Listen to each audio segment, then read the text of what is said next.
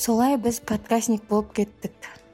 Ары қарай ұзақ жылдарды бірге бақытты әрі берекелі уақытты өткіздік. Текст тастап алсаңызшы солай біз подкастник болып кеттік. Па? Сапрал я подкастермін десеңізші. Өтірік қылды өткір қойды шаш мынау не фальш мынау фарш үйге дайындалып келдім не шығып тұр сізде? Маған проспект момышұлы үш деп шығып тұр. Проспект бауыржан момышұлы деп тұр менде енді басқа кісілер біздің адресімізді біліп қоятын болды. Ә, жақындап отырсаң жақсы болады негізі. Иә. Бір бір деп. Ғарышкер ұшты ғарышқа ғарышқа ұшты ғарышкер айтшы ғарыш алыс па кім шығарған оны ау. Кім шығарған ол маңызды ма жаным? Бұл постмодернизм. Постмодернизмді бәрі біреуден ұрлаған сондықтан барлығына барлығы бізге тиесілі. Ә, құрметті ә, тыңдап отқан құрметті деген сөздің өзі негізінен шаблонға толы андай естігің келмейтін штамп сондай ғой құрметті деген ешқандай мағынасы жоқ та білесіз ба құрмет құрмет деген сөздің мен мағынасын да білмеймін не екенін ше андай. Амандасу ма мистер деп айту ма несі құрмет деген сөздің мағынасы қандай? Бисмиллах деп бастаймыз ба подкастымызды. Ұмытып кеттік қой. Ал бисмилля сөздің басы кәрі гауһары бәйкіміз бейіттердің қарқауы. Ғылымның һәм батырдың һәм ақынның сұм шәкеңнен ұрғаны шың қалқаны демекші кезінде бір ғұлама ғалым. Бисмиллахи рахмани рахим ал бісміллә не деп айтамыз? Подкастымыздың тақырыбын не деп қоямыз? Ә, бірінші аман, амандасып алайық иә амандаспайды ә, қайырлы ә, ол да сондай сөз айтады ғой шаблонный. Қайырлы таң қайырлы таң құрметті оқырмандар. Ол түсте тыңдап шығар. Қайырлы түс. Кешке тыңдап отқан шығар қайырлы кеш. түнде тыңдап шығар. Қайырлы түн. басқаша. Чао. Қалай амандасамыз енді. Сәлем оқырман. А сәлем тыңдарман. Негізі подкастта тыңдарман болады екен да өйткені ақпарат құлақпен қабылдайды ғой ол кісілер. Или просто тыңдарман демей ақ. Профессиональный инстаграмдағы блогерлер ұқсап ат қояйын деп жатсыз ба тигрларым менің деп. Жоқ мысалы қалай айтуға болады деймін да басқаша. Может ол тыңдарман емес шығар. Просто кіріп көргісі келген шығар случайно тыңдап қалыпты ол сіздің тыңдарманыңыз емес. Маған мысалы подписчик подписчик подписчица деген сөз ұнамайды. Жазылман деген ба? Менің подписчиктерім деген ұнамайды. Мен неге біреудің подписчиктері болуым керек? Оқырман деген сөз былай айтқанда кім а- әуезовтің негізінен пікірі бойынша ман деген ә, қосымша ол соған дайындалатын кісі деген мағынаны білдіреді Зе- кімнің зейнолла қабдоловтың менің әуезовым деген роман эссесінде ма? Бір сөз бар сондай төбелесмен деген төбелесмен деген төбелесуге дайындалып тұрған кісілер екен да. Сосын сол себепті ол мен деген сөзді қолданған екен. Сосын сол жерде соған комментарий пікір білдіріп кетеді.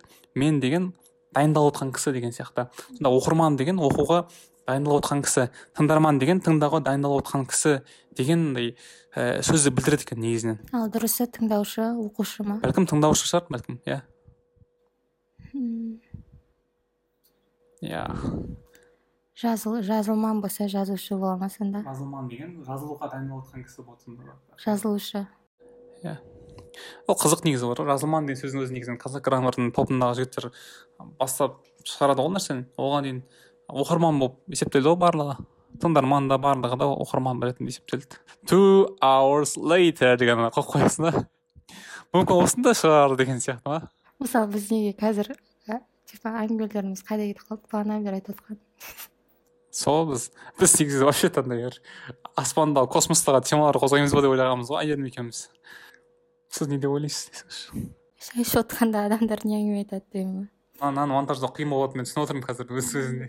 Даже деген сөзді қолданбай таза қазақша сөйлейтін адамдар ұқсап отырамын ғой мен қазір? Тіпті деп ана жерде ше. Ііі білмеймін. Былай сөйлесеміз ғой енді екеуміз негізі камераны телефонның біздің әң- әңгіме қай кезден басталды? Сол сол туралы айтайық. Подкаст жазу деген. Подкаст жазу деген ба? Мен сіз үйленген кезде пайда болған осы кісі подкаст жазу керек дегенсің ғой в общем мынандай мәселе ғой. Ііі мен әйелім екеуміз. Әңгіме айтқанды жақсы жақсы көретін адамдармыз да былай айтқанда. Бәлкім подкаст жазсақ қалай болады? Шоттың бәрі подкаст жазылшы ана бір шығыпты ғой бір тайғақта деген біреу. Қуғын бойы шыққан екен деп айтады. Дейді қараңызшы біз біз жаңа не киномызбен ә, осы әңгімеміздің сәйкестігі уақыт уақытқа келедік біртіндеп әкеліп жатырмын ғой соған жаным ау? Сол сондай подкаст жазуды шештік. Сосын менің әйелім негізі кітап кино көргенді ұнатпайды андай уақытты өте ұқыпты пайдаланатын кісілердің бірі ғой негізі бүгін бізде тед икс астана деген шыққан. Соған бармақшы болған сондай болды сосын қой мен настрой жасадым ғой мен жүзім әкеліп мен хақысын беру керек жүзімнің деген ой болды да. Әйеліме кино көрейінші деп отырған кезімде интерстеллар фильмінің шынайы мәні деген бір ә, видео бар екен да сол шыққан екен. Сосын мен әйеліме соны көрсеткім келген. Себебі ол кісі соның ана кім ә, ханс зиммерді өте қатты жақсы ән жазған кісі. Бір киносын көре қояйық деп едік. Жылжытып жылжытып жылжытып. Сөйтіп бітірдік қой әйтеуір. Соған қатысты бір ойлар пайда болды. Осы күн сайын осындай ғой. Мен бір мен болмайтын тема айтамын. Сосын әйелім айтады да мына жерде осындай мән бар сияқты дейді. Сосын мен вау деймін біздің өміріміз осылай өтіп жатыр. Тақырыбымыз сонда уақыт болды ғой. Иә біздің тақырыбымыз сонда уақыт болды сол айтқанда уақыт туралы. И ол бірге өткен уақыт. Мм жалпы сол фильм туралы өзіңіздің пікіріңізді білдірсеңіз мен тез сөйлеп жатқан шығармын. Негізінде подкаст тыңдайтындар көбісі тез тыңдауға үйреніп қалған да. Менікін ана екі икспен ба сондаймен тыңдайтын шығар. Жоқ қалай бір бір аудиоға қалай тыңдайды екі икспен бір жерден оқыдым да андай. Әңгіме болып жатса бір кісінің темпі монотонный болуы мүмкін. Екінші кісінің темпі басқаша болады да оның несі сөйлеу мәнері деген сияқты. Әрине бірінші бірінші кісіге ұқсап кетеді потому что айна нейрондары бар ол жерде. Бірақ та тыңдап отырған кісілерге қазақша сөйлеп жатсыз да? Тыңдап отырған айна нейрондар. Тыңдап отырған кісілерге ол жағымды болады екен. Бірнеше кісінің сөйлеген бір кісіге қарағанда иә маған да сондай негізі. Солай тыңдаған ыңғайлы сол енді айтыңыз ғой фильмге қатысты пікіріңізді андай мен фильмге тікелей не бере алмаймын ғой. Осындай бұл кино мынандай туралы осындай осындай деген сияқты ше. Мен мысалы общий картина болатын болса негізгі картина болатын болса жалпы картина болатын болса қазақша солай. Сүгірет жалпы бір үлкен сүгірет болатын болса соның ішінен мен жалпы картинаны көрмеймін да негізі көп жағдайда. И бір жерін көріп қаламын да бір пазлын и сол пазл пазл маған сол пазл арқылы кино ұнап қалады мысалы маған. Ал полный картина вообще көрмеуім мүмкін. И солай. Сол көрген нәрсе ол уақыт болды. Сол бір пазл уақыт. Жалпы киноның көп жағдай уақытқа қатысты ғой бірақ оның целін түсінбедім негізі киноның. Шын айтқанда түсінбедім. Целін түсіну маңызды емес қой. Уақытқа қатысты не нәрсені түсіндіңіз? Уақытқа қатысты түсінгенім бірінші жаңа айттым ғой сізге. Уақыт не сияқты деп созылады. Резинка сияқты резинка сияқты деп айттым резинке резинке резинке сияқты сондай да и сонымен бұрыннан бері уақытқа қатысты нәрселер оқып жүргенмін и солар соларды ойладым мен миымда андай не болды да тағы да уақытқа деген қызығушылық пайда болды да миымда и мен түсіндім да оның бір күшті андай не екенін уақыт деген күш екенін ше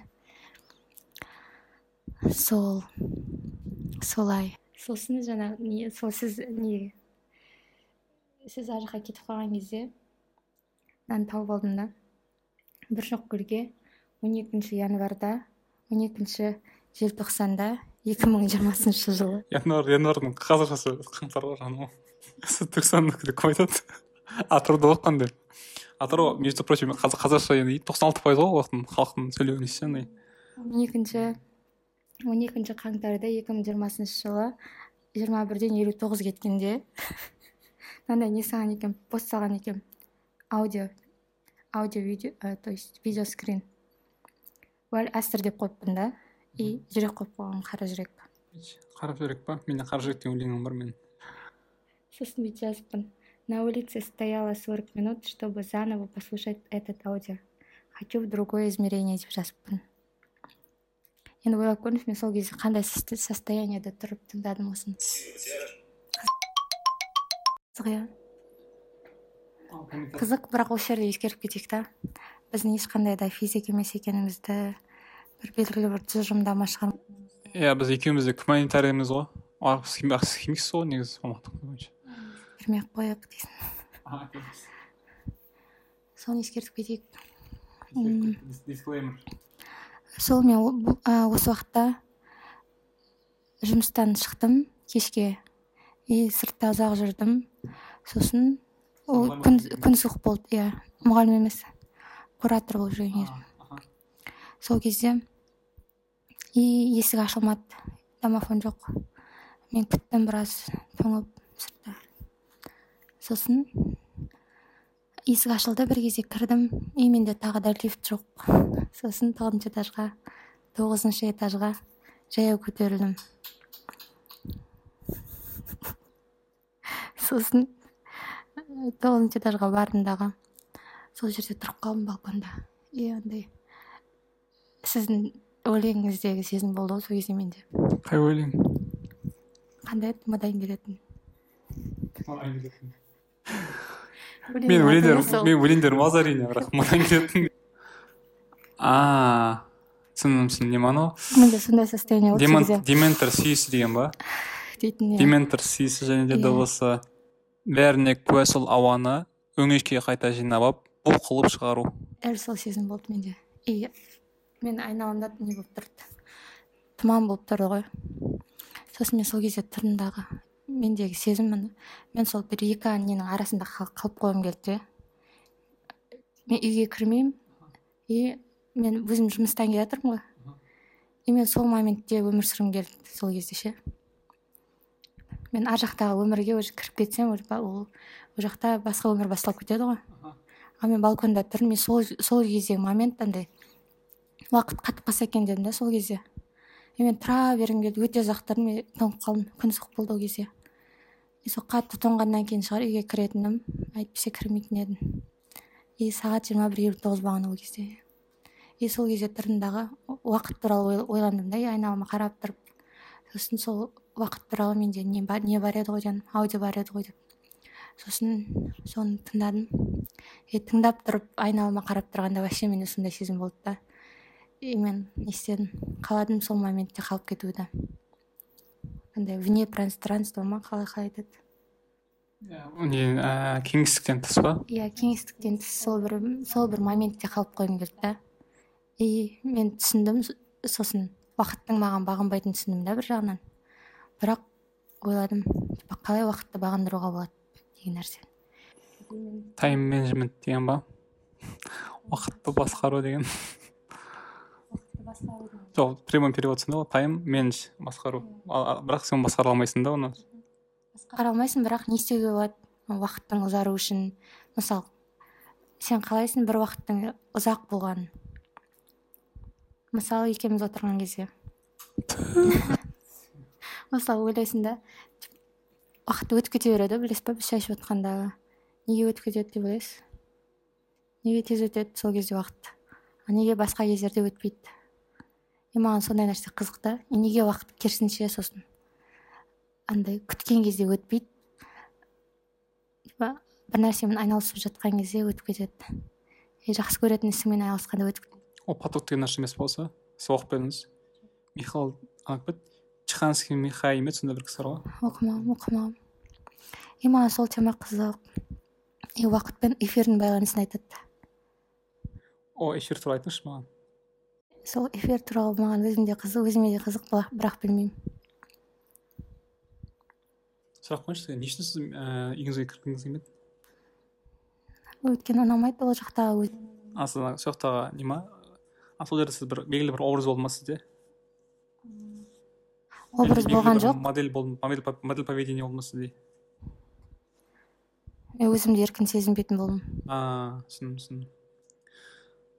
Жұмыста да өзімді еркін сезінбеймін. Еркін сезінетін а, момент. әдемі әдемі өте между этим. Мәссаған сұмдық нәрсе екен. Сол мен сол үшін сол жерде қалып кеткім келеді и а- ақыр соңында не болды? Мен екі пространствоны да артқа тастадым да кетіп қалдым. Сондай бір әлем іздеп. И ол әлем түсіндім мен что ол жаққа кетпейсің ол, ол, ол нәрседе өзің өмір сүру керек екеніңді сол состояниеда. Сондай болды. Жай күйім и бірнеше жыл, жыл ма даже жылдан асып кетті ғой. Сол сол состояниялардың бәрін не істегенім. Анализ жасап сондай. Сол кезде ең маңызды нәрсенің бірі сол маған уақыт болды и уақытқа деген қызығушылығым артып кетті қатты. Негізі бұрыннан қызығушылығым бар ғой. Бірақ түсіндім да ол босқа нәрсе емес. Ол и уақыт деген ол материалдық нәрсе емес екенін түсіндім да ол. Рухани нәрсе екен. Ол өте рухани нәрсе екенін түсіндім. И тікелей бүкіл немен байланысты әлеммен байланысты нәрсе екенін ше. Анау поток деген кітап бар да. Сол жерде айтады да андай адам өзінің сүйікті бір ісімен айналысқан кезінде бір состояниеге кіріп кетеді ә, сол состояниеге кіріп кеткен кезіңізде анау есіңізде ме айтамын жұмабаевтың анау фокус деген аударғанын педагогикада ықылас емес абай деп аударған ғой. А. Абай деп аударған. Ықылас деген қай жерден алдыңыз оны? Өзім ойлап таптым. Иә в общем арабша ықылас деген мұхлис иә? Былай айтқанда холяс деген сөз шыққан таза деген сөзді білдіреді да. Ііі не таза ешнәрсе араласпаған деген сөзді білдіреді. Ал абай деген сөз былай айтқанда фокус тоже. Абай деген нәрсе ә, бұл жұмабаевтың педагогика кітабындағы ай- айтылатын сөз да фокус деген сөздің аудармасы. И бұл тоже андай артық нәрседен абайлап жүру ғой айтқанда. Түсінсіз абай. Адам өзін жақсы көретінін білеміз да. Ә, сосын ыыы бағана потокта мысалы. Иә уақыт көбейеді дұрыс вот уақыт тиімді ә, несі уақыттың берекеті артады дейміз ба? Иә мысалға аз уақыттың ішінде көп нәрсе істей аласың ғой сондай сондай бір мәселе бар да. Сіз өзіңіз жақсы көрген кезіңізде ішіңізде өзіңіздің болмысыңызды тапқан кезіңізде сақтаған кезіңізде уақыт берекелі өтеді? Сіздің сол ыыы жұмыстан шыққан уақытыңыз бен үйіңізге кіретін уақытыңыз келетін уақытыңыз. Өзіңіз да былай айтқанда дурачество етіп жүретін прикол ұстап сөйтіп жүретін кісі ма? Мен мен өз басыма қатысты айтып жатырмын да қазір. Дәл сол моментте мен дурачество етіп жүрген жоқпын ғой. Адамдар жоқ ешкім жоқ айналамда Иә. адамдар бар ғой. Бірақ мен көрмеймін да ешкімді. И маған бәрібір үйге барсам адамдар бар жұмыста адамдар бар. Ал жолда ешкім жоқ мен ғана. сол уақытта сіз сондай айтқанда өзіңіздің болмысыңыз и сол болмысыңмен бетпе бет келген кезде сен рахаттанасың да. Сондай болады. Иә иә жаңа ы, фокус пен ықыласты ұқсайтын себебі. Мысалы ықылас деген риядан тазалап тастау ғой. Фокус болса артық заттарын тазалап тастайсың. Столды тазалап тастайсың да бір, бір ғана кітап қойып қоясың деген сияқты. Сол кезде сондай. И сосын мына нәрсе не болған маған. Жаңа айттым ғой сізге бұл әлем негізі жоқ сияқты деп ше. Шын әлемде өмір сүріп жатырық па деп. Бұл әлем жоқ сияқты дегені негізі ғалымдар айтқан екен. Бұл әлем болмауы мүмкін болса ол бір ғана бірне, бірнеше секундтар ғана болуы мүмкін. Яғни бел- белгілі бір момент қана болуы мүмкін деген да. И соны ойладым да мысалы. Біз мысалы қанша моменттарды өмір сүріп жатырмық қой негізінен. Бірақ қазіргі момент қана бар ғой. Ал өтіп кеткен моменттер тек қана жоқ олар воспоминание болып қалды. Өте әдемі. Несі есіме кетті да? Ана кедей мен бай туралы айтады ғой. Кедей байға қарағанда жұмаққа ертерек кіреді дейді ғой мысалы. Естіген шығарсыз сол хадисті. Сонда кедейлер андай ей мен бай болмаймын себебі мен жұмаққа ертерек кіргім келеді деп өздерін ақтап алады да. Бірақ та негізінен оказывается оказывается ыыы сол біздің уақыт аз кетеді сонда жарты күн екен да сонда кеш деп ойлаңызшы ғаламдар болады ғой андай бір уақытта бірнеше істей алатын кісілер ше. И ол ол бір уақытта бірнеше істеудің сол соны жаңағы неде соны түсіндіреді? Время эфир деп айтты ғой. Эфир деген нұрлы нәрсе да. Сұйық сұйық нәрсе. И біздің түсінікпен да сұйық нәрсе и нұрлы нәрсе. Ал жаңағы бір, бір нәрсе бірнеше жерде болу үшін ол міндетті түрде нұрлы әрі жеңіл болу керек. Мысалы күн да просто. И күн бірнеше жерде қалай болады? Ол түседі ғой шағылысады айна қойсаң бір, бір күн болады екінші айна қойсаң екінші күн. И свечалар да солай да мысалы ол, ол да нұрлы нәрсе ғой. И олар көбейе алады да көбейеді. Ал адамда көбею үшін бірнеше жерде болу үшін ол сондай жеңіл әрі нұрлы болу керек дейді. Ал оның ондай болуына әсер ететін ең бірінші нәрсе сол эфир екен эфир деген нәрсе былай айтқанда ол побочный эффект қой ол айтып тұрған сіздің. Белгілі бір состояниелердің побочный эффекті эфир әкеледі ма? Жоқ эфир деген не. Бүкіл әлемде тұратын нәрсе ғой сұйықтық май, май сияқты. Негізі май деп айтады эфир эфирное масло деген бар. Тікелей эфир деген бар. Тағы не бар? Эфир деген нәрсе көп қой. деген бар еще там. Он эйр деген бар сосын сондай да. Неге олар прямой эфирде мысалы мынандай сұйық экраннан көреміз ғой оны. Плаз, плазменный дей ма не мынау прозрачный ғой мысалы прозрачный болмаса көре алмайтын едік қой біз. эфир деген эфир деген әлемнің ішінде жүзіп жүрген нәрсе сұйықтық зат. Ол бүкіл ал галактикада жүрген нәрсе ғой. Ол көзге енді ол көзге көрінбейді ғой вот именно. Оны ғалымдар зерттеп жатыр екен соны. Оны и ең анықталмаған нәрсе сол эфир. Әлі әлі шешімі табылмаған оның не екенін адамдар әлі анықтай алмай жатыр бірақ эфирға бағынып жасалып жатқан нәрселер бар. А, эфирде адамдар қалай бар екенін білді білмеймін. Жаңа ескертіп кеттік қой біз ешқандай да физик емеспіз деп болған сізге айттым ғой эфир зерттелмеген бірақ эфирға бағынатын нәрселер жасалып жатыр деп өмірде болып жатыр бірақ адамдар соның қалай болып жатқанын тікелей эфирға қатысты түсіндіруге әлі, әлі не жоқ түсіндіре алмайды меніңше ана тақырыпты алып тастау керек алып тастау керек иә ол қиын тема ғой еще мен түсінбейсіз ғой вообще одан сайын шатастырып жібердік қой біз өзіміз сатып кеттік мысалы эфир шатасатын тема ғой негізі шынымен енді бұл адамдар үшін сөйлеп жатқан жоқ шығармын может тастайын в общем жоқ сіздер ешнәрсе естімедіңіздер е маған қызық эфир деген айттым ғой сізге раса эфир деген тақырып бар екен қызық. Мен әйелім соны зерт- зерттеп жаңағы ғана аудионың аты сондай время и эфир деген.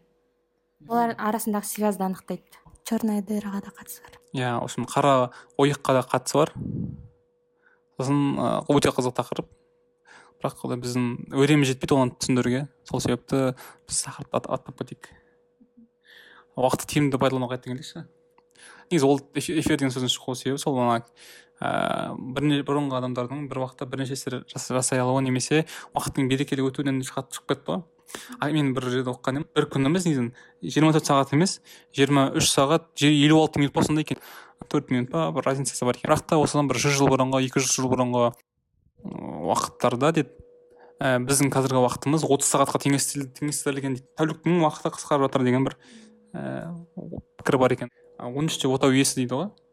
Сол ана абай он он үш жасында үйленген он бес жасында бала болған деген сияқты тема бар ғой сен не істеп жүрсің деген сияқты ол кезде уақыт көп болған да сонда. Сонымен қатар ол кездегі абайдың он үш жасындағы состояниесі сол кезде өзінің күйі қазіргі он сегіз жасар балдардың күйімен бірдей то есть бес жыл разница бар еді жүз жылдың ішінде.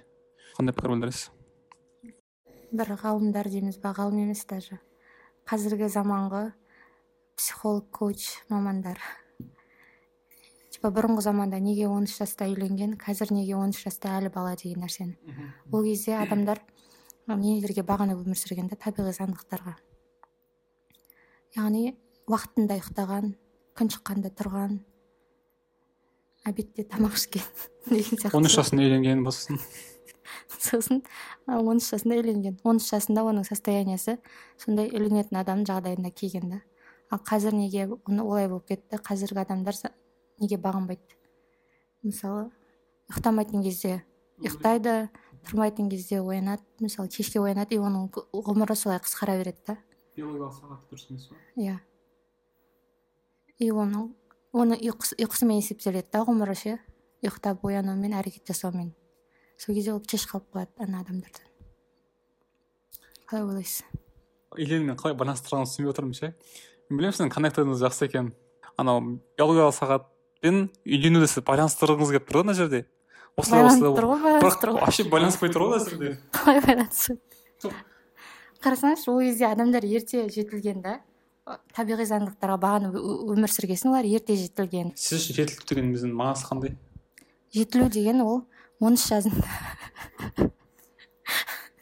ол табиғи ол мысалы қазіргі адамдар да он үш жасында жетілуі мүмкін ғой негізі үйленуі мүмкін ғой яғни үйленгендердің барлығы жетілген деп есептейсіз ба сонда нұрбол деген адам болсын мысалға оның туған күні мысалға бірінші қыркүйек болсын ол отыз бірінші тамызда бірақ ііі үйленген жоқ әлі он екі жас там он бір ай жиырма тоғыз күн деп есептейік ол жетілген жоқ әлі мысалға сосын бірінші қыркүйек келген кезде бір бірден жетіліп кете ма ол иә сіз неге ол бір айға салып тастадыңыз белгілі бір қабілеттерді меңгеру керек па ол саналы әре- әрекет жасау керек па ол? І өз не өз жауапкершілікті ала білу керек па? Сіздің сол мен айт, айтқым келіп тұрған нәрсені салыстырмалы түрде айтып тұрмын ғой. Все познается сравнение дейді ғой орысқа салыстырмалы түрде айтып, айтып тұрған кезде қазіргі андай адамдардың кеш жетілуімен ол адам ол кездегі адамдардың ерте жетілуін айтып тұрмын да. Табиғи заңдылықтарға бағанатын адамның уақыты көбейеді ғой. Аха. Ал біздің уақытымыз не- неге берекесіз болып кеткен? Өйткені біз заңдылықтарға бағынбаймыз. Олар берекелі уақытты өмір сүрген да айтқандай берекелі. Сол бәрін сол сізге дословно айту керек болып тұр ғой. Түсіне алмайсыз ба өзіңіз? Қыздарды түсінбейді қыздар жақсы көріңдер дейді ғой. Сонда айтқанда күн шыққан кезде тұрады күн батқан кезде ұйықтайды. Сосын артық нәрсемен айналыспайды. Сосын сол уақытта дұрыс тамақтанады. Табиғи нәрсемен Иә. тамақтанады? Сосын оның денсаулығы уже он үш жасқа келгенде санасы оның он үш жасқа келгенде уже үлкен адамдардікіндей болады сосын ол виртуалды әлемде көп өмір сүрмейді. Ресурсын осы әлемде қолданады. Мүмкін он үш болуы мүмкін да. Ал қазір біздің состояниемызға қарай ол уақыт ұзарып кетті да он сегізге қарай ше. Өйткені қазіргі адамдардың состояниесі сәйкес келмеді да ол кездегі он үш жас он үш жас адамның несімен ше. Қазір иә. Даже қазір отыздағы адамдікі сәйкес келмеуі мүмкін да. Отызда болуы мүмкін адам бірақ сол уақыт дұрыс пайдаланбағаннан дұрыс өмір сүрмегендіктен оның миы денсаулығы санасы бәрі өте кішкентай адамдікіндей болып қалған анау бар емес па? Адам жетпіс жасында жерленеді бірақ жиырма жасында қайтыс болған деген ше? Қазіргі уақыт сондай да андай өте андай не болып кеткен берекесі болып кеткеннің себебін былай ойлап қарасаң бізде жаңағы фокус жоқ қой ықылас жоқ та и оны толтыратын нәрселер өте көбейіп кеткен. Біз бір нәрсеге қоя алмаймыз да фокусымызды. Ше өте көп нәрсеге шашылып жүреміз. Сосын біздің уақытымыз да солай шашылып и берекесіз болып кеткен. Ал ол кезде не үшін табиғи заңдылықтарға бағынған? Ол кезде ештеңе болмады ғой. Тек қана бәрі табиғи болды да күн шығу бәрі. И солай олар үлгерді ше уақыттарында бәрі. И біз қаншалықты не фокусымыз ықыласымыз азайған сайын уақытымыз уақыт ұзара береді да бірақ несі жоқ берекесі жоғала береді. Әдемі әдемі түсіндірдіңіз яғни бұл өмірде уақыттың берекелі өтуі үшін біз көп нәрседен бас тартуымыз керек. Тазалауымыз керек. Тазалауымыз керек иә. Кімді оқимыз кімді тыңдаймыз? Сіздің неңіз бойынша логикалық ойлану неңіз бойынша қарапайым ғой мысалы. Продукт күнің продуктивно өтуі үшін сен бәрін істеуің керек. Тек қана айналысатын нәрсемен айналысу керексің да сол кезде уақытыңды бәрін үлгересің ғой менің несі менің логикама сол жерде алып қойдым. сіздің логикаңыз бойынша ойланатын болсақ та қарапайым нәрсе ғой деймін да андай. Қарапайым логикаға салып кезінде бір ғұлама ғалым лев николайұлы толстой деген кісі айтпақшы. Жоқ жоқ ол емес ол басқа кісі ғой. Ұлы нәрселердің барлығы қарапайым дейді ғой. Данияр ағай сөйледі екен да бизнес ашқым келеді дейді да айтқан. Бизнес ашқым келеді осылай істегім келеді. Не істесем болады дейді да. Онда жұмыс істе дейді ғой данияр ағай. Ол кісіге андай бір семинар жүргізіп осылай осылай соңында месседж ретінде сен жұмыс істеуің керексің деген нәрсені айту керек та айтқанда. Білмеген естімеген нәрсесін естігісі келеді да маған жетіспейтін нәрсенің жауабы ол мен білмейтін нәрселер жасырынып жатыр деп ойлауы мүмкін да.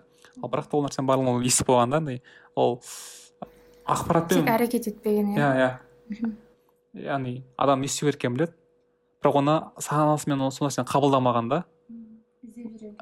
Бірақ іздеп жүре береді иә ол, ол оның ощущениесіне сезіміне әсер еткен сол моментте жұмыс істеу керек. Вау деген да бір екі сағат жұмыс істеген болуы мүмкін. Сосын қалып қойған сол жерде. Нәтиже бермегеннен кейін бұл жауабы емес деп шығып басқа бір тағы да сезіміне әсер ететін острый ощущение іздеуі мүмкін.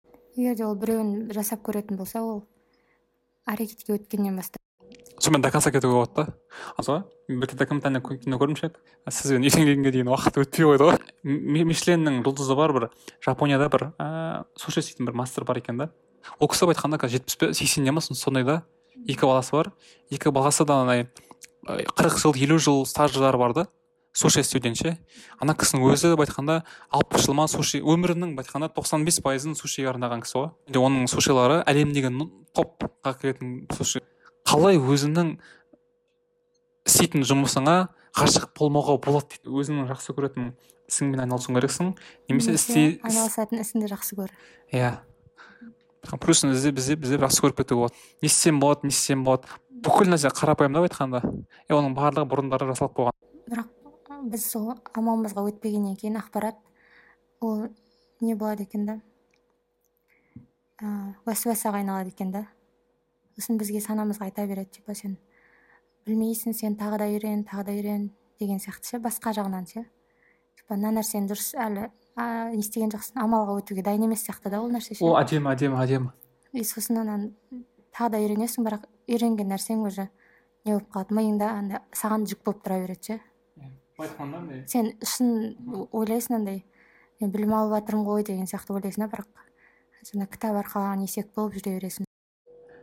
Ә, бұл өмірдің ең қымбатты ә, ресурсы уақыт. Бұл өмірдегі біздің ең бірінші жауымыз. Біздің уақытымызды ұрлауға тырысады. Және сол сіз айтқан уәсуаса деген сол күмәндар тудыра ма бізге? Мынандай нәрсе ойладым. Жаңа айттым ғой продуктивный өтуіне байланысты деп ше уақыт.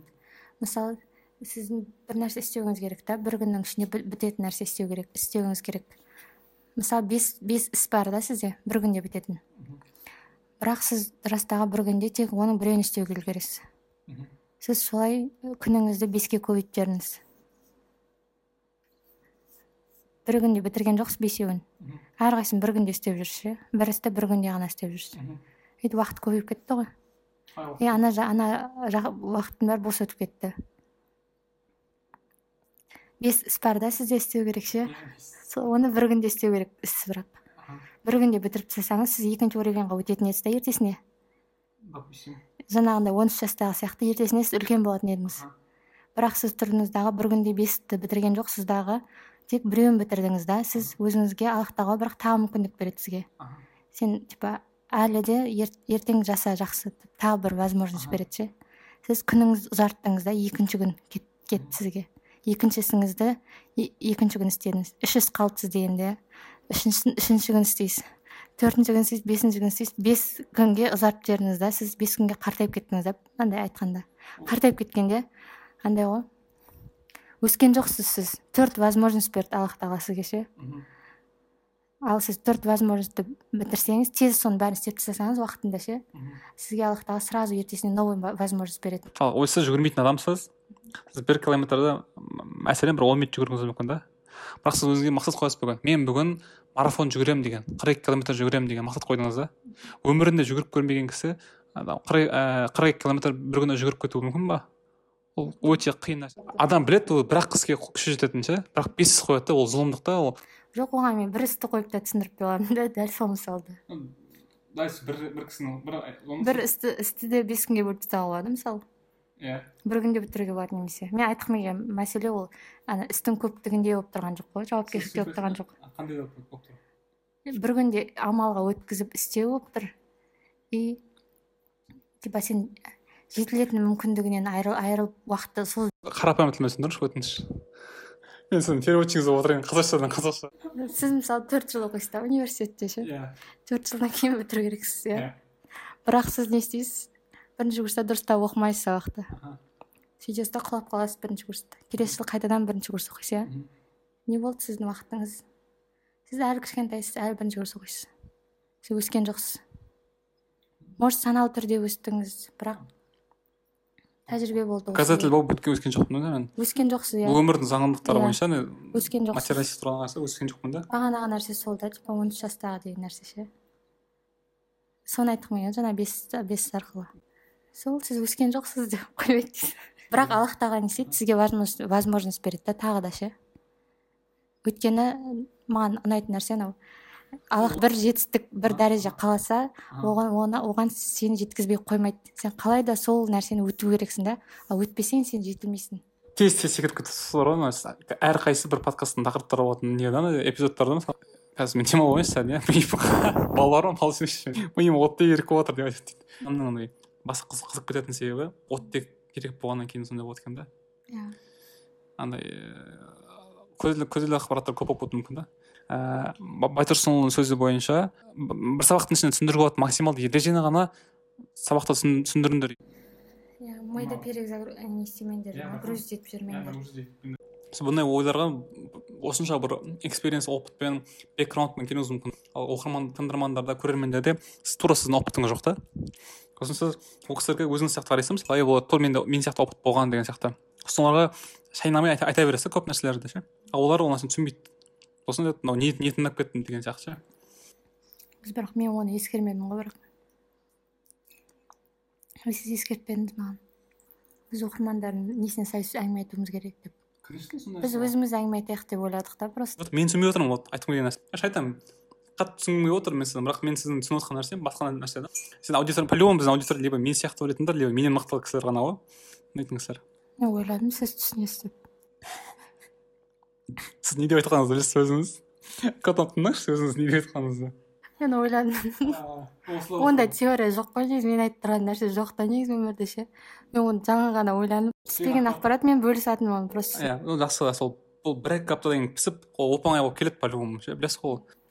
Мен просто біз өмірден кеш қалу деген нәрсені айтқым келді да. Мысалы менің группаластарым бар жиырма жетіде жиырма сегізде. Олар бірінші курстан кейін ақ негізі оқымай ақ қойса болады олар өте қатты жетіліп кеткен балалар негізінен қытайдан келген жігіттер ғой. Бірақ оларға андай универді бітіру қатты маңызды емес. Мен бітірмей кеткен кісілерді танимын да. Олар көп жетістікке жеткен кісілер. Білесіз ғой? Сіз тіке қарап тұрсыз ғой басқаша қарай алу үшін мен сіздің андай опытыңызбен сіздің андай өмір сүрген ақпараттарыңызды сіңіруім керекпін ғой. Ал сіз сосын тікелей емес сіз басқаша айтқыңыз келіп тұр. Бірақ ол басқа кісілерде жоқ та ол нәрсе. Мысалы есіңізде ме алдыңғы жылы біз ана ауылда андай бір мороженое жеген едік қой ана мороженое ше десек қандай мороженое? деп ана адам сол жерде қалып қалады да уже. Иә. Не әңгіме айтамын енді. Сіздің айтуыңызша алла тағала мүмкіндік береді бізге. Сол мүмкіндік жетпейінше біз келесі талай береміз сол береміз, иә. Біз сол арқылы біздің андай ұзара береміз ше. Ұзара береміз дегенде біздің бір нені күйді сезіну планкаға жеткенше. Біз оны түсініп өткенше суда сол состояниеде өткенше ол қайталана береді. Бұны білесіз бе кім шамилдің дейтін проблема дегеніміз ол сенің өзіңнің жетуің керек деңгейіңе жет, жете алмауың керек. Мен бүйтіп түсіндім мысалға. Тағдыр бар ғой бізде. Мхм. Бір айдан кейін. Ііі мысалы сіздің оқырмандарыңыздың саны он мың болуы тиіс. Бұл тағдыр бойынша. Бірақ сіздің қазір оқырмандарыңыздың саны бес мың болуы мүмкін. қыркүйек айында сіздің оқырмандарыңыздың саны бес мың бірақ тағдырыңызда сізде қазан айында сіздің оқырман саны он мың деп тұр. бірақ сіздің күнделікті істейтін әрекеттеріңіз қайталана береді рутинаға айналып кеткен қатты жаңа нәрсе жоқ. Сторис саласыз. Пост саласыз арасында болды сонымен қалып қойған. Ол сөйтіп кете беретін болсаңыз бес мың подписчик болып тұра береді ештеңе айтпақшы ғой бір нәрсені қайталай беретін болсаң басқаша нәтиже күтіп ол сумасшествие дейді ғой айтқанда. Ес ауысқандық деген сияқты. Бірақ ыыы алла тағала сізге бір проблема беріп қояды сол уақытта. Инстаграмыңызға қатысты. Ә, там элизабет егер сен бір айдан кейін подписчик саны он мың болмайтын болса сен мына үйіңмен қоштаса бер үйіңді үйіңді өртеп тастаймын деп айтуы мүмкін да. Ол әрине бұл мүмкін емес. Абсурд дүние немесе бүйтуі мүмкін. Он мың подписчикке жеткізетін болсаңдар мектепке путевка беремін деген сияқты. Бір кісі айтуы мүмкін сізге. Немесе бүйтіп айтуы мүмкін. Он мың подписчикке жетпейтін болсаң мен сенің аккаунтыңды не істеп қоямын ұрлап аламын деп сізге бір ескерту беруі мүмкін. Сосын сізде қажеттілік пайда болды. Уже экстра дәл күш жұмсайсыз да проблема пайда болды иә проблеманы шешу үшін сізге экстра күштер жұмсай бастайсыз да там блогерлермен коллаборация жасайсыз күн сайын уақыт бөлесіз сөйтіп сөйтіп сөйтіп. Он мың подписчикке жетесіз да былай айтқанда сосын сіз уже келесі планкаға өтіп кеттіңіз ана жерде. Аллах тағала өзі проблема береді сол жетістікке жеткізу үшін и өзі көмектеседі. Деп мен пост салғанмын осы жақында ғана иә. Өзіме салдым стратегия стратегия of my life-қа. Соған салдым. Strategy of my life дегенге жазылып қойыңыздар иә. Маған ең ұнайтын нәрсе сол болды. Иә мен мен түсінгенім мен түсіндіре алмайтын менің түсінгенім мен түсіндіре алмайтыным. Ал басқалар оны да түсінбеген деп қойсаңызшы десең элизабет ли деп жазып қойған. Қалыпты дүние ғой шынымен де. Сіз олай сөйлеп пе едіңіз бұл осыған дейін? Қалай? Диктофонға сөйлеп көрген бе едіңіз? Диктофонға сөйлеп көрмедім. Диктофонға мен сөйлейтінмін когда өзімнің ойларымды айтамын ешкіммен адам- басқа біреумен осылай диспут жасап көріп пе едіңіз сіз текст жазатын кезде қалай болды басында ең басында жазған кезіңізде хаос пайда болды ғой дұрыс па сосын барып сіздің тексттеріңіз бір жақсылай не болды, жүйелене бастады да сондай болды ма сізде мхм. Әлі сондай хаос.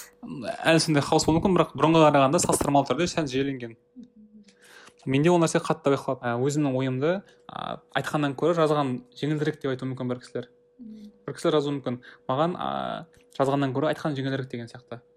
Өйткені оларда солардың опыты көп та экспириенс көп. И мынандай нәрсе оқығанмын адам түсінбеген нәрсесін түсіндіре алмайды деген. Кімнің сөзі бар ғой. Ричард фейнманның сөзі бар да. Мә мықты физик қой ана кісі. Ше өте маған сол кісі андай мұғалім ретінде не андай ыыы идеал кісі емес бірақ модель поведения болатын сол кісі да. Не ойлаңыз ана кісі ііі недегі? Натодағы ма?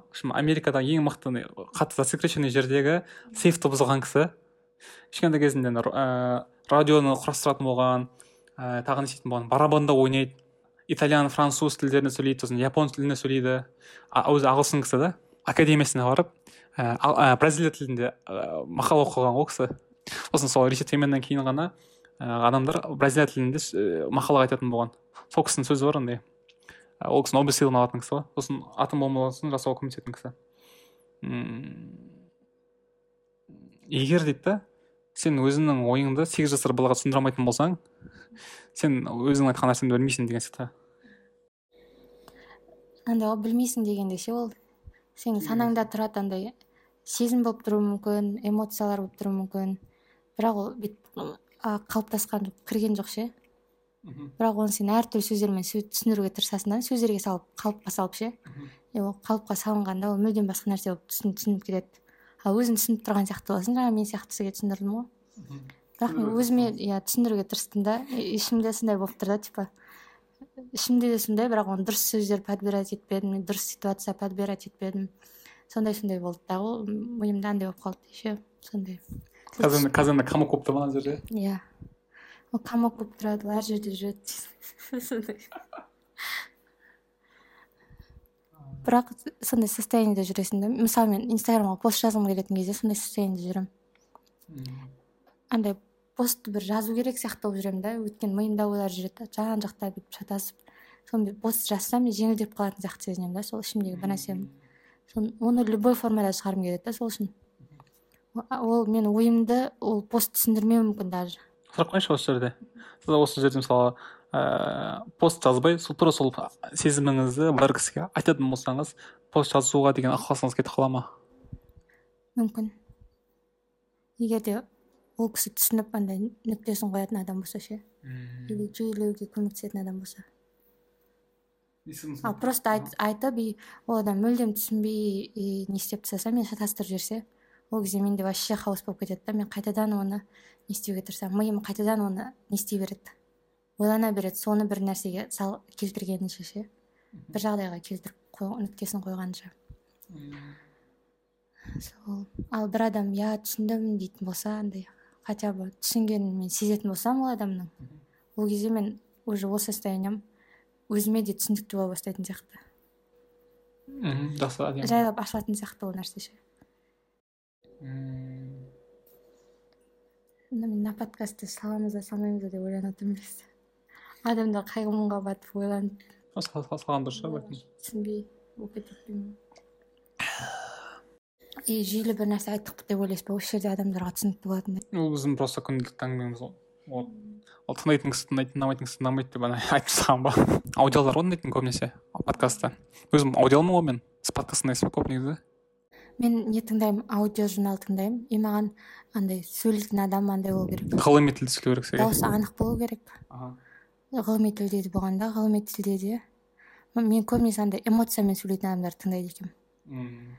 типа сезімді сездіріп ше маған? Мен сол үшін нені көп тыңдаймын? Новый граниді көп тыңдаймын. Жаңа время и эфир деген дауысын естідіңіз ғой?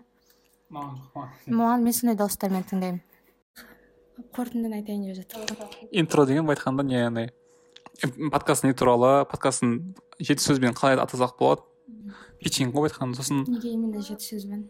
Адамның миында бір уақытта жеті сөзден артық сөз жеті символдан артық нәрсе тұрмайды екен.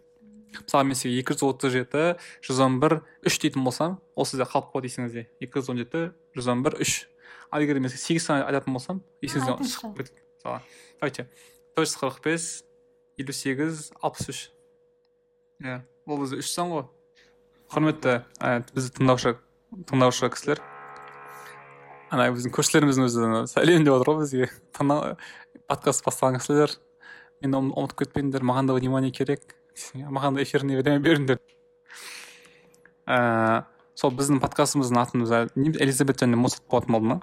Шай қою шаймен элизабет және моцарт бола ма? Әлде моцарт және элизабет бола ма? Кім феминистер ренжіп қалуы мүмкін? Моцарт және қыздардың па- парасаттылығы осындай да. Моцарт және элизабет қой иә. моцарт пен элизабеттің хикаялары моцарт пен элизабеттің әлқиссалары деп қояды сол сияқты айтайын деген ғой просто. Сіздің сүйіктісіңіз қандай сары. Сүйікті жемісіңіз қандай шабдалы. Сары шабдалы деп отырсақ ше жоқ. Сары шабдалы элизабет. Говорящий тростник дегенді ойлаймын мен. Телеграмда ма? Иә. Әдемішіксің ғой общем біздің контент былай айтқанда отбасылық контент ыыы тақырыптар андай ондай жанр жоқ сияқты әзірге. Біз не үшін подкастты бастадық сол туралы айтайықшы. Жалпы біз ана внимание жетіспей жүр екен деген нәрсе ойлап қалады ғой бізде по любому ғой мынаған не жетпейді деген сияқты. Біздің күнделікті шайдың үстіндегі айтатын әңгімелеріміз осылай осындай тақырыптарда болады. Жай ғана қызық болды да мынаны басқа кісілер тыңдап көрсе қандай ә, реакция білдіреді екен деген ой. Иә бұл жерде ешқандай бір басқаша мән болмауы мүмкін. бір нәрсе үйрету деген нәрсе жоқ ең біріншіден біз бір жағынан екеуміз уақытымызды өткізіп кейіннен андай шал мен кемпір болған кезімізде е кезінде осыдан осындай әңгіме айтқан едік қой есіңде ма деп андай бір сол бірімізге кезде өкінбеу үшін қазір бәрін байқап көру ғой. момент момент сақтау ғой айтқанда. Ана әріпбек бар емес па айтады алдында түркістанда кездескен кезде. Әжесі қайтыс болған. Сонда айтады да мен екі жыл бұрын әжемнің бір дауысын диктофонға жазып қойған деп видеосын көрсетіп жатыр да осы сол жерде бала сияқты қуанып жатыр да ана жерде. Сосын досымен отбасымен алдында отырған кезде кө- көрсеттім дейді да. Он минут бойы үндемей тыңдап ана жерде. Бәрі көздеріне жас алып тыңдап отыр дейді да. Сосын мәссаған мынау бізде гауһар ғой жауһар нәрсе ғой. Мәссаған деп таңқалып отыр да. Сол бір бәлкім болашақта бізден кейінгі кісілерге де. Иә ең күшті нәрсе ғой. Жаңағы сияқты. Біз уақытқа қайтып орала алмаймыз ғой бірақ осылай орала аламыз да. Сақтау арқылы сол моменттерді. Соны уақытпен мынау бірінші эпизод интро бола ма екеуін бірге біріктіріп жібереміз ба? Сол айтқанда осымен біз біздің эпизодымызды аяқтайық. Сау болыңыздар аман болыңыздар. Жақсы кеттік.